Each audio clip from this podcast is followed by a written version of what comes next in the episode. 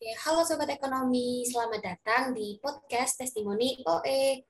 Perkenalkan, saya Naswa Nabila selaku moderator yang akan memandu jalannya podcast kali ini.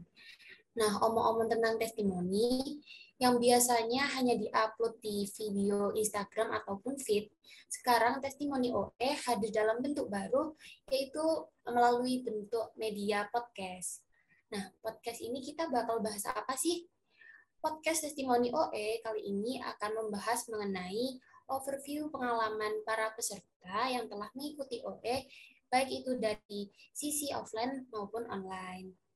Jadi para peserta ini akan melakukan sharing mengenai pengalaman yang telah mereka lakukan dan pengalaman eh, dan kegiatan yang telah mereka lalui selama kegiatan OE berlangsung, entah itu offline maupun online. Nah, seperti yang bisa kalian lihat nih, aku nggak bakal sendiri karena aku sudah ditemani oleh tiga speaker yang super duper keren dan kece, yaitu pemenang OE yang ke-15, Kak Rizky Aiman, serta pemenang OE ke-18, Kak Michael Susanto, dan Kak Jevon Jo Ariel. Halo kakak-kakak semua, boleh say hi dulu? Halo Kak. Halo. Halo, thank you udah invite ya untuk podcast. Oke, mungkin bisa langsung perkenalan aja ya. Mungkin dari Kak Rizky Aiman dulu nih, yang OE 15 ya.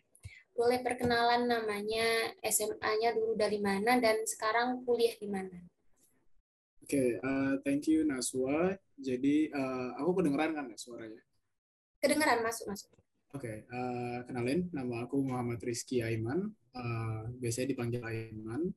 Uh, dulu dari SMA Negeri 2 Depok, waktu ikut uh, OE UNER yang ke-15 ya kalau nggak salah tahun 2019. Dan sekarang aku kuliahnya di Ilmu Ekonomi, Fakultas Ekonomi dan Bisnis Universitas Indonesia. Salam kenal. Salam kenal Kak Aiman. Panggilannya Kak Aiman ya? Iya. Oke, oh, keren banget nih. Oh iya, sekarang semester berapa kak?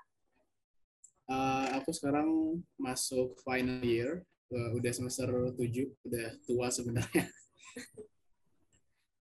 Oke, uh, dulu ikut OE, OE ke 15 aja, apa pernah lebih dari sekali nih? Uh, aku ikut OE cuma sekali waktu itu, yang ke 15. Dan itu juga sebenarnya agak mendadak sih, karena sebenarnya sebelumnya uh, aku udah dengar tentang OE tapi waktu itu sih karena uh, OE itu terkenal salah satu lomba yang cukup prestis ya di kalangan anak-anak yang ikut uh, perlombaan waktu SMA terutama lomba ekonomi dan ya waktu itu sebenarnya agak ya agak minder bisa dibilang tapi akhirnya uh, waktu lihat ada seleksi regional untuk Depok uh, kebetulan waktu itu ikut dan ya alhamdulillah dikasih kesempatan sih untuk untuk jadi partisipan. Loh, keren banget nih. Pertama kali ikut eh langsung juara. Oke, mungkin lanjut ke speaker selanjutnya ya, yaitu pemenang OE ke-18 nih, Kak Michael Susanto sama Kak Jevon. Boleh langsung on mic aja perkenalan diri sama asal SMA dan sekarang kuliah di mana? Uh, ya, terima kasih Kak sudah mengundang kami. Perkenalkan nama saya Michael Susanto dari SMA Kristen Petra 3 Surabaya. Saat ini saya merupakan mahasiswa baru di Universitas Surabaya. Ya, perkenalkan juga namaku Jevon Jo Ariel, biasa dipanggil Jevon. Aku juga dari SMA Kristen Petra 3 Surabaya. Dan sekarang aku akan berkuliah di luar negeri, lebih tepatnya di University of Toronto. Hmm, keren banget nih ambil di luar negeri. Kalau boleh tahu itu di University of Toronto ambil apa? Prodi apa nih? Jurusan apa? Um, ambil prodi bisnis juga. Uh, ikutan OE baru sekali atau lebih dari sekali nih? Kita ikut OE cuman yang OE ke-18 saja. Sebelum-sebelumnya belum pernah ikut. Oke, nah perkenalan udah. Sekarang mungkin langsung masuk ke pertanyaan aja ya. Nah, um, aku mau tahu lebih lanjut nih dari ketiga speaker. Dulu waktu pertama kali tahu OE itu dari mana dan struggle-nya yang dipersiapin buat ikutan OE itu apa? Mungkin dari Kak Aiman dulu deh. Oke, uh, jadi kayak yang tadi aku bilang sebenarnya kalau uh, untuk anak-anak SMA, terutama yang mungkin aktif di lomba, uh, kan ada yang namanya Olimpiade Sains Nasional dulu, uh, atau sekarang kalau nggak salah namanya KSN. Iya, betul. Iya, jadi uh, ya biasanya kita ngobrol gitu sih tentang oh ada lomba apa aja, ada uh, event di mana, karena uh, dulu kalau SMA sama kuliah kan pasti namanya uh, apa murid siswa itu nyari duitnya lewat situ. Jadi waktu itu kebetulan lagi ya lagi itu kalau nggak salah setelah setelah OSN waktu itu uh, timeline OE dan ya waktu itu lagi ngobrol-ngobrol terus ternyata oh ada lomba di di UNER namanya OE dan ya aku juga sebenarnya sebelumnya udah sempat dengar sih dari awal masuk SMA cuma ya ya setelah dengar setelah OSN itu terus ngelihat hadiahnya juga lumayan jadi yang kayak oke okay, kalau gitu uh, coba ikut. Terus kalau tentang struggle sih uh, aku nggak terlalu ini udah lumayan lama sih jadi mungkin aku agak lupa. Cuma um, untuk struggle sendiri aku nggak terlalu nemuin banyak karena waktu itu uh, lucunya juga uh, waktu seleksi regional itu yang ikut cuma sekolahku doang. Jadi seleksi regionalnya di sekolahku dan uh, aku waktu itu ikut juga jadi ya untuk seleksi regionalnya sebenarnya nggak terlalu banyak struggle sih mungkin kalau ketika di nasional itu ketika masuk ke uh, stage nasional mungkin agak panik juga karena uh, kayak aku bilang lumayan banyak yang tahu OE dan dari zaman OSN itu juga udah banyak teman-teman yang berpartisipasi di OSN yang bilang kalau mereka mau ikut OE. Jadi mungkin yang disiapin lebih ke mental ya waktu itu. Karena oh bakal ketemu lagi nih sama yang uh, aku compete with pas OSN uh, di OE itu. Terutama waktu itu kan offline ya, jadi kita langsung tatap muka sama orang yang pernah kita lihat waktu compete with them di OSN. Kalau untuk persiapan materi sih sebenarnya nggak terlalu banyak ya, karena kayak yang tadi aku bilang itu timelinenya lumayan setelah habis OSN dan waktu itu juga dekat-dekat sama ada yang namanya pelatihan nasional untuk IEO waktu itu International Economic Olympiad jadi ya masih ada sisa-sisa materi yang udah dipelajari jadi waktu berangkat ke OE bekalnya kalau aku sih dulu cuma dari situ aja dari dari yang masih ada di kota itu sih paling. Berarti persiapannya sebenarnya udah ada gitu ya? Uh, ikut OE yang ke-15 itu waktu kelas berapa itu berarti waktu SMA? Uh, eh, itu kalau nggak salah kelas 12 ya itu aku lupa antara kelas 11 atau kelas 12 baru masuk gitu tapi ya pokoknya setelah uh, eh, OSN itu Oke, mungkin bisa lanjut dijawab oleh Kak Michael sama Kak Jevon gimana awal tahu tentang OE dan struggle-nya waktu ikutan gitu. Uh, kalau saya awal mengetahui OE UNER ini dari Instagram officialnya OE UNER, yaitu OE UNER 18. Karena kan pada saat itu OE yang ke-18 dan saya merupakan salah satu followersnya. Nah, jadi awalnya itu saya tertarik karena Olimpiade Ekonomi UNER ini berskala nasional, penuh dengan tantangan dan sesuai dengan bidang yang saya, bidang yang saya sukai. Kalau untuk struggle-nya, uh, bersyukur karena semua kendala dapat kita atasi. Ya, kalau aku sendiri sih tanya ya dari temanku Michael dan aku juga tertarik berdaftar ya karena hadiahnya menarik dan juga lombanya berhubungan dengan ekonomi ya bidangku waktu itu juga. Uh, terus untuk struggle dan persiapannya sendiri, uh, aku sama Michael ini juga uh, peserta ikut lomba KSN yang tahun 2000 2021. Jadi kita juga sudah cukup persiapan untuk lomba ekonomi gitu. Oke, berarti kalau ikut lomba yang per tim ini kayaknya Kak Ito sama Kak Jevon selalu bareng nih. Oh, kayaknya Iya, kita banyak lomba yang selalu bareng. Hmm, Oke. Berarti ikut OE dulu kelas 12 apa 11 ya itu berarti? Um, waktu itu sudah kelas 12 cuman masih semester 1. Nah, antara Kak Aiman sama Kak Michael dan Kak Jevon kan OE yang diikuti beda ya antara OE 15 sama OE 18. Itu sendiri yang satu offline, yang satu online. Uh, mungkin dari Kak Michael sama Kak Jevon dulu deh. OE 18 itu babak-babaknya mungkin bisa dikasih tahu kayak gimana dan mungkin bisa memilih antara babak itu yang paling diingat deh, yang paling seru itu babak apa? Nah, kalau dari saya babak yang paling saya ingat sampai sekarang itu babak final, yaitu babak yang untuk menentukan grand finalis. Jadi babak itu sempat terjadi draw berkali-kali dengan tim yang lain, tapi syukurnya tim kami berhasil lolos ke babak selanjutnya. Ya kalau aku juga sama sih babak di final itu ya, soalnya waktu di final itu um, kita itu nilainya itu sama dengan dua kelompok lain. Itu untuk memperebutkan posisi keempat buat maju di grand final. Ya tapi untungnya kita setelah berjuang ya kita bisa menang dan masuk ke grand final. Uh, waktu itu kalau final itu bukan yang debat ya? Oh bukan. Untuk final itu kita kayak ngerjain uh, jawab soal yang dibacakan sama panitia gitu jadi bener-beneran soal. Terus habis itu baru grand finalnya kita debat. Mungkin masih ingat nih, waktu debat dapat study case-nya tentang apa? Um, untuk debat sendiri, itu kita ada dua, cuman yang aku ingat itu ada study case tentang uh, pengenaan UMR gitu. Jadi bahasanya tentang UMR gitu. Iya, kaitannya itu dengan ketenaga kerjaan. Pokoknya pada saat pandemi itu gimana kita apa bagaimana pro kontra tentang UMR itu. Oke. Keren banget nih OL 18.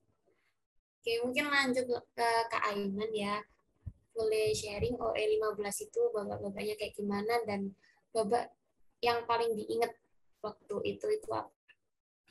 Itu udah lumayan lama ya yang ke 15 tuh kalau nggak salah udah sekitar tiga tahun yang lalu tapi kalau saya ingatku sih babaknya ada pasti pertama uh, jawab soal kayak biasa kan ada pilihan ganda, esai, terus yeah. ada crosswords uh, dan sebagainya. Terus habis itu ada yang outbound, jadi kita main dulu, habis main baru uh, apa jawab soal lagi. Terus ada ya final sama grand final. Jadi kurang lebih sebenarnya uh, sama kayak beberapa lomba yang aku ikutin. Cuma uh, menurutku sih yang waktu itu lumayan memorable uh, dua pastinya. Yang pertama tuh justru yang tahap paling pertama yang jawab soal.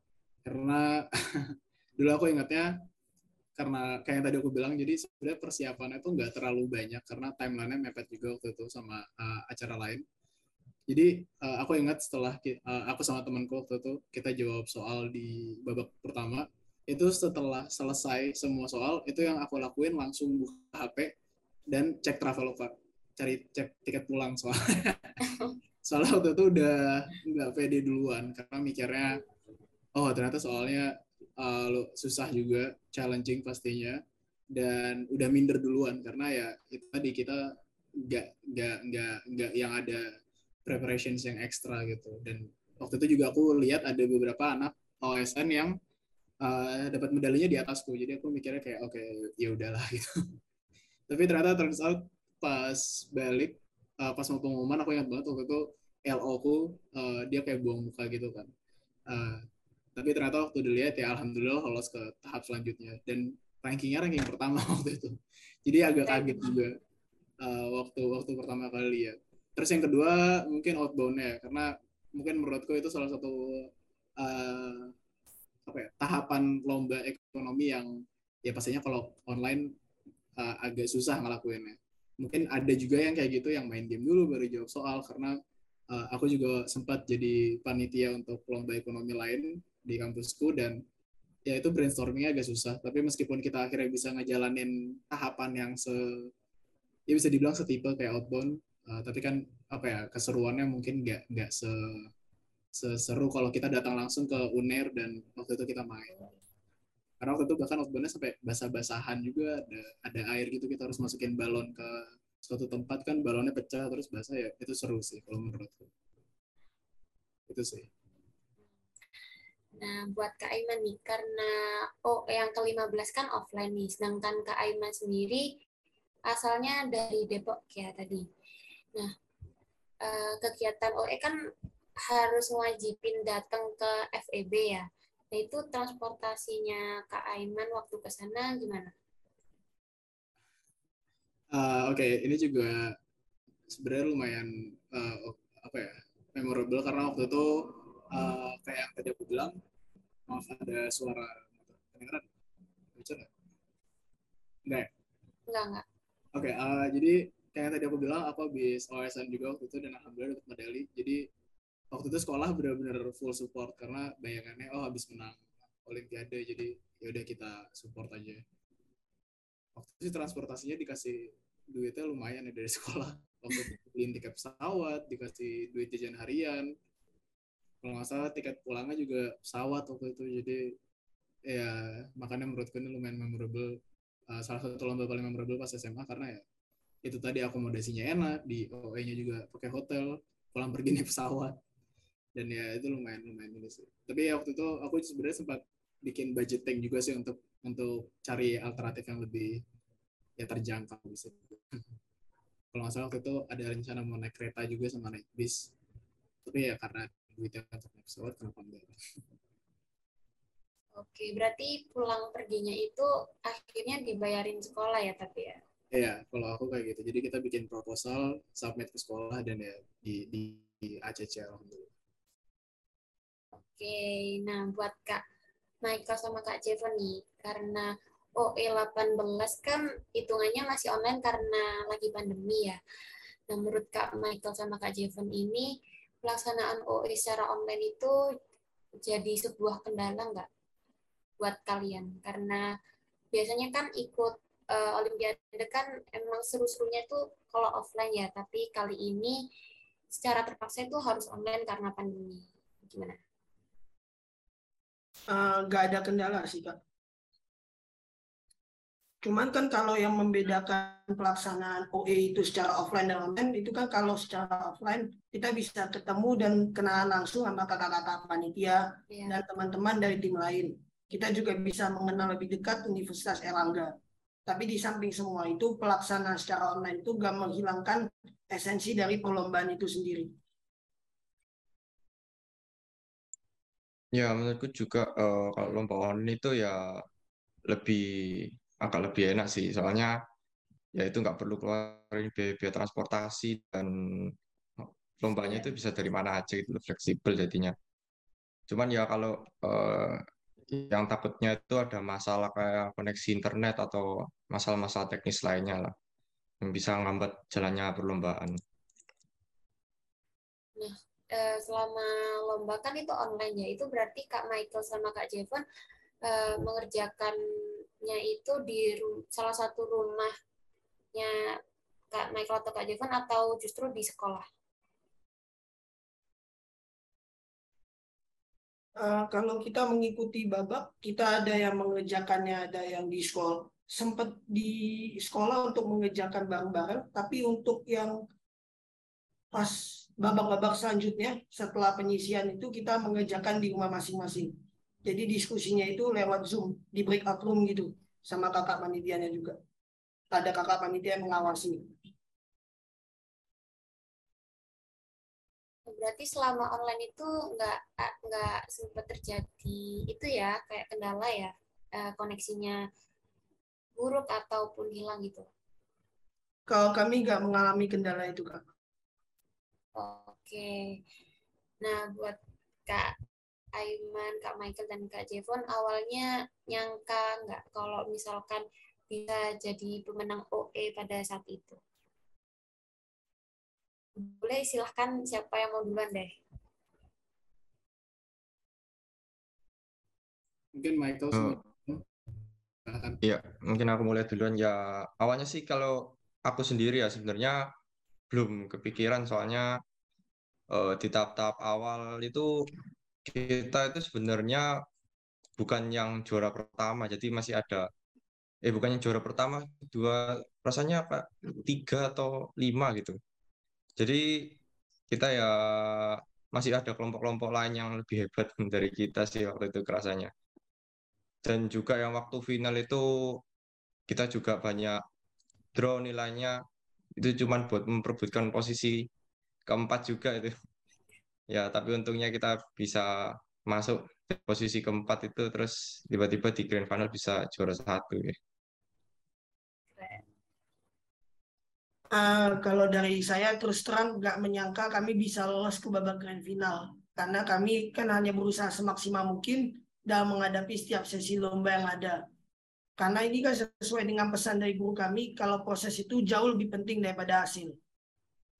Uh, kalau perasaan saya mengetahui kita menang itu bangga, senang dan terharu karena akhirnya bisa mendapat juara satu.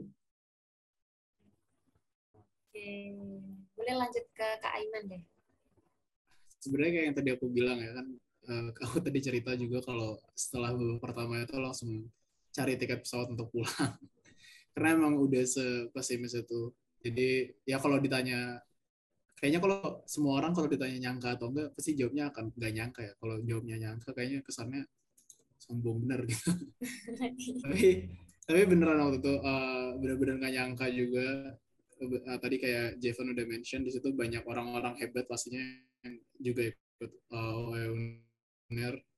Tapi ya setelah lihat hasil di babak pertama uh, bukan jadi lebih pede sih, tapi lebih ke arah jadi lebih tenang. Lebih tenangnya lebih ke karena oke okay, setidaknya hari pertama nggak langsung pulang, jadi nggak malu-maluin sekolah.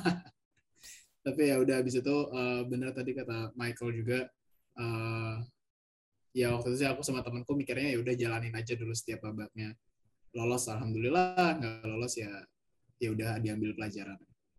Itu sih. Oke. Uh, karena tahun ini juga kan OE bakal diadakan lagi ya yang ke 19 nah, mungkin dari Kak Aiman, Kak Michael dan Kak Jevon boleh sharing nih uh, tips and triknya kalian waktu belajar selama mempersiapkan OE itu kayak gimana buat para pelajar SMA? Uh, eh, Jevan sama Michael mungkin boleh duluan, aku belum kepikiran tips and tricksnya apa. Uh, kalau tipsnya itu yang pertama banyak berdoa. Yang kedua, serius mempersiapkan diri menghadapi lomba. Yang ketiga, optimis dan tidak mudah putus asa. Kalau hasilnya nggak sesuai dengan yang diinginkan atau yang diharapkan, coba lagi tahun depan. Oke. Kak Devan mungkin? Ya, kalau buat aku sih tipsnya ya pastinya belajar ya. Kita harus belajar buat uh, lombanya, tapi juga kalau bisa kita juga aktif ikut lomba-lomba lain supaya bisa nambah pengalaman untuk ikut lomba-lomba untuk lomba OE juga. Oke, lanjut ke Aiman nih. Apa ya? Uh, sebenarnya kata Michael sih berdoa.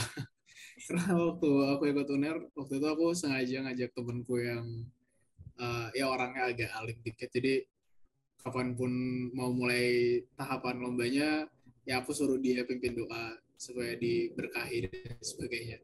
Tapi kalau untuk tips lain mungkin menurutku lebih ke jangan apa ya jangan kasih batasan untuk materi yang uh, kamu pelajarin waktu lagi ya preparation untuk nggak hanya Wayuner pastinya untuk lomba-lomba lain. Karena uh, kalau dari pengalamanku sih dulu uh, bahkan di lomba-lomba tingkat nasional SMA itu tuh bahkan materinya kadang-kadang bisa ada materi yang ya aku udah pelajarin sekarang di di di kuliah waktu itu.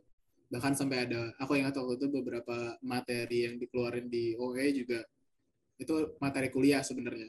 Uh, terutama di babak final waktu itu ada pertanyaan tentang uh, kurva ISLM investment saving loanable money funds itu itu kan sebenarnya materi kuliah ya yang aku bahkan yeah. baru pelajarin di semester kedua ke semester ketiga kalau nggak salah ya dan itu iya. keluar yeah. waktu waktu OE Uner jadi ya uh, expect the unexpected aja uh, kalau kalau ada beberapa pertanyaan yang aneh itu wajar juga sih ya kalaupun um, jadi kalau belajar jangan batasin pakai buku textbook SMA. Ini kayaknya serem banget ya.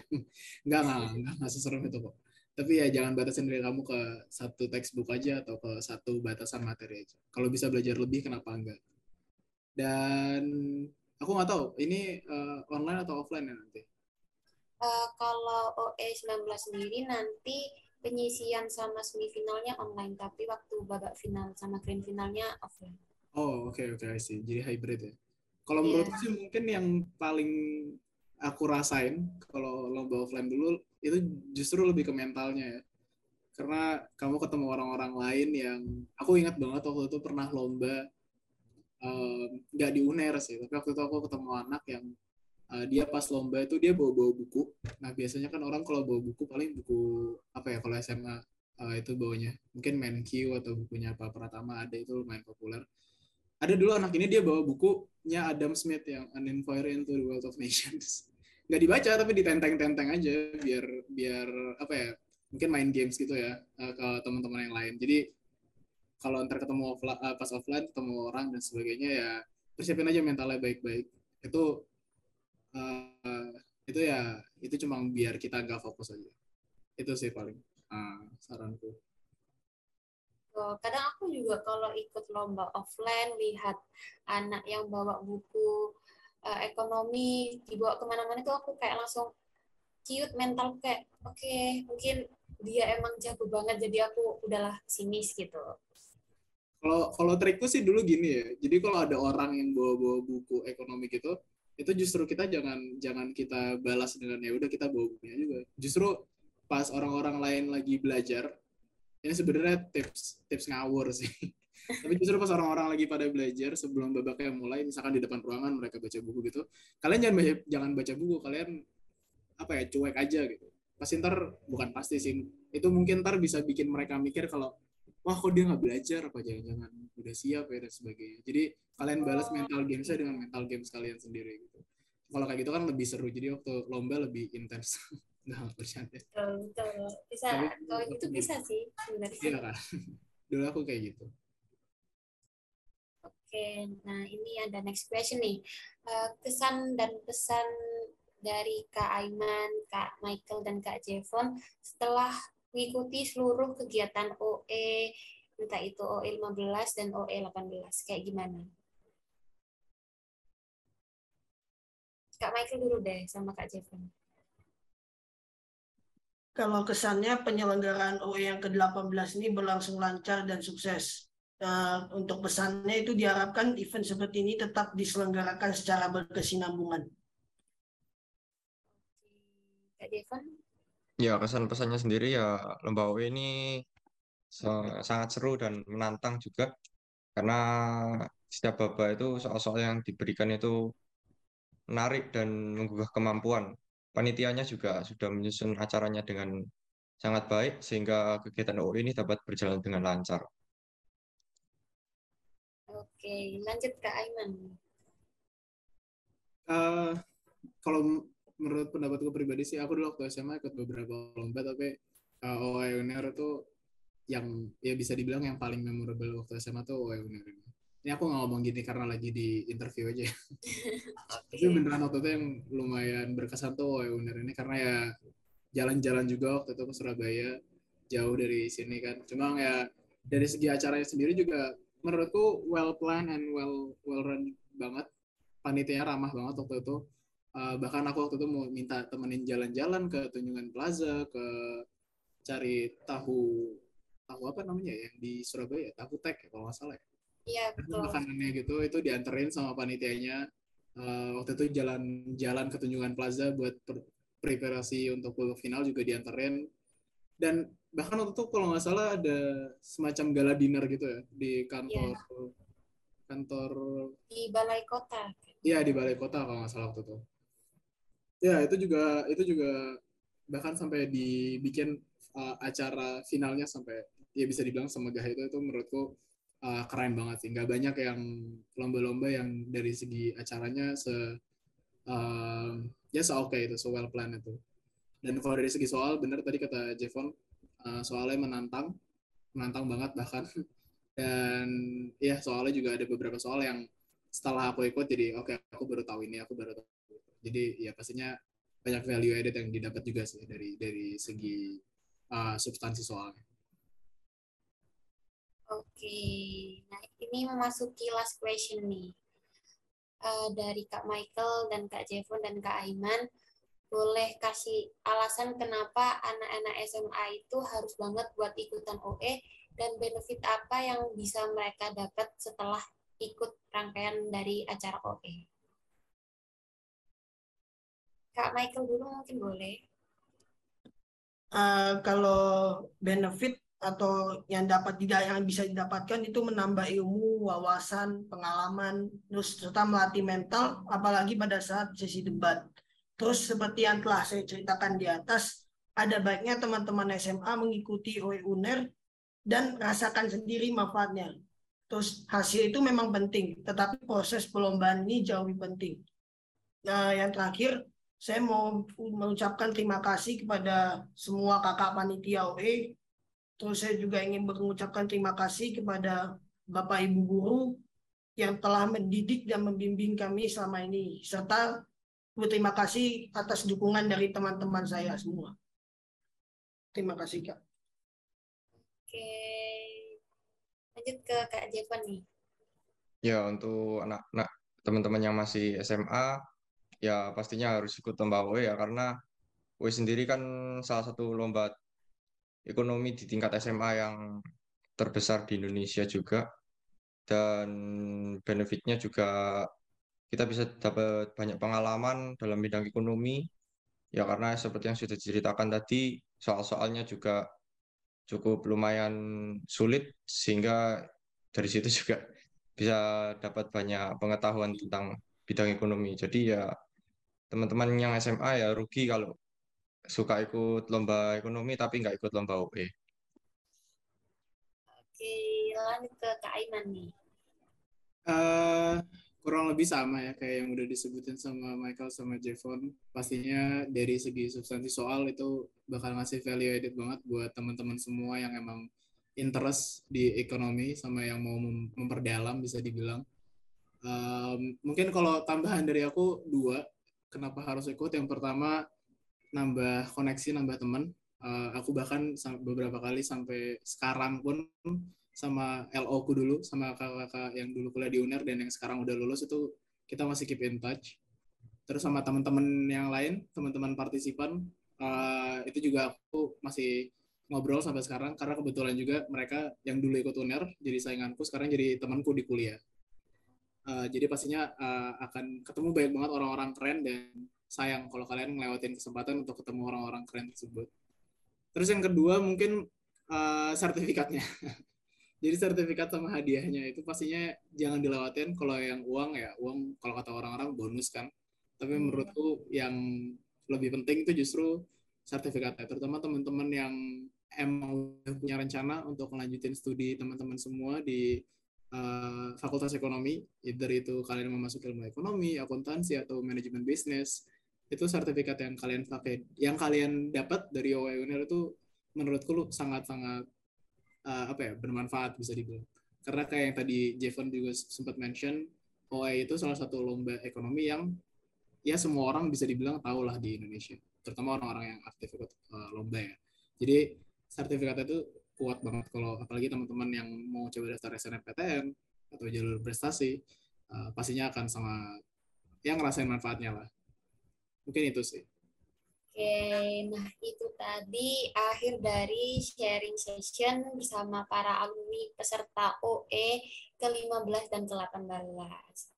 Dari cerita-cerita mereka bisa kita ketahui ya kalau OE itu sangat-sangat seru dan sayang banget kalau kalian nggak nggak ikutan OE nih. Apalagi tahun ini bakal ada OE yang ke-19 dan pendaftarannya aja udah dibuka loh. Nah, jangan lupa buat kalian nanti bisa ikutan OE yang ke-19 dan mungkin Kak Aiman, Kak Michael, dan Kak Jevon bisa ajakin adik kelas SMA-nya buat ikutan OE. Nah, sekian dari podcast testimoni OE kali ini. Sebelumnya aku juga mau ngucapin terima kasih Kak, Kak Aiman, Kak Michael, dan Kak Jevon karena udah nyempetin waktunya buat jadi speaker podcast testimoni OE kali ini. Oke, okay, see you next time. Terima kasih semua.